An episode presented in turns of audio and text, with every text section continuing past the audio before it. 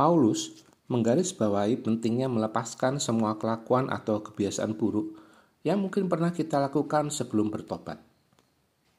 Kolose 3 ayat 5 sampai 6. Karena itu matikanlah dalam dirimu segala sesuatu yang duniawi, yaitu percabulan, kenajisan, hawa nafsu, nafsu jahat, dan juga keserakahan yang sama dengan penyembahan berhala.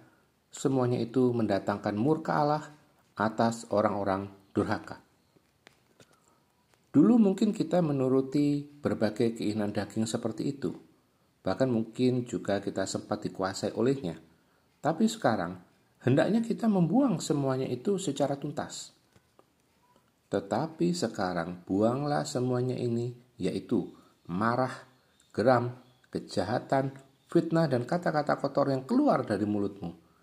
Jangan lagi kamu saling mendustai, karena kamu telah menanggalkan manusia lama serta kelakuannya, dan telah mengenalkan manusia baru yang terus-menerus diperbaharui untuk memperoleh pengetahuan yang benar menurut gambar kaliknya.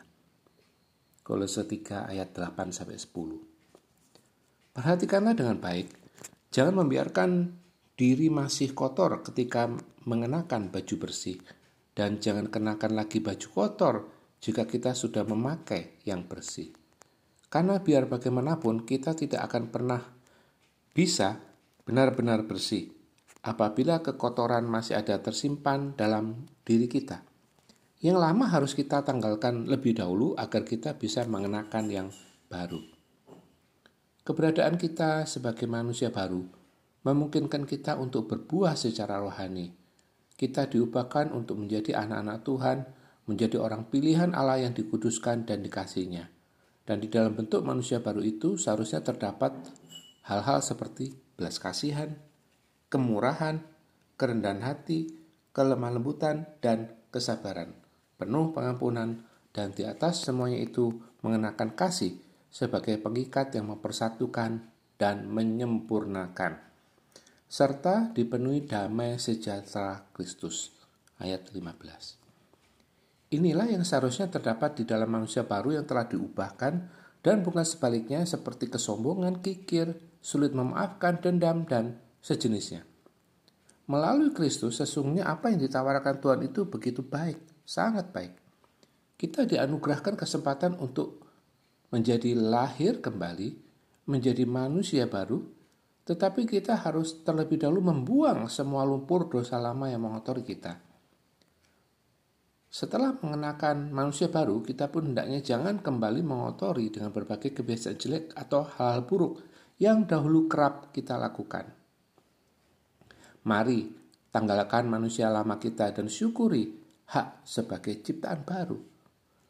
Saya berdoa agar kita semua bisa memasuki tahun yang baru dengan lebih baik lagi menjalani harapan Tuhan akan kita yaitu supaya kamu dibaharui di dalam roh dan pikiranmu dan mengenakan manusia baru yang telah diciptakan menurut kehendak Allah di dalam kebenaran dan kekudusan yang sesungguhnya. Efesus 4 ayat 23 sampai 24. Tahun yang baru akan sangat baik dijadikan sebagai momentum untuk sebuah perubahan kepada kehidupan dalam roh yang berkenan di hadapan Tuhan.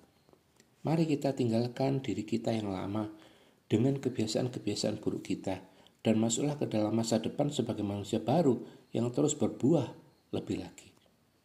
Sebelum mengenakan hidup baru, buanglah lebih dahulu hidup yang lama yang masih mengotori diri kita.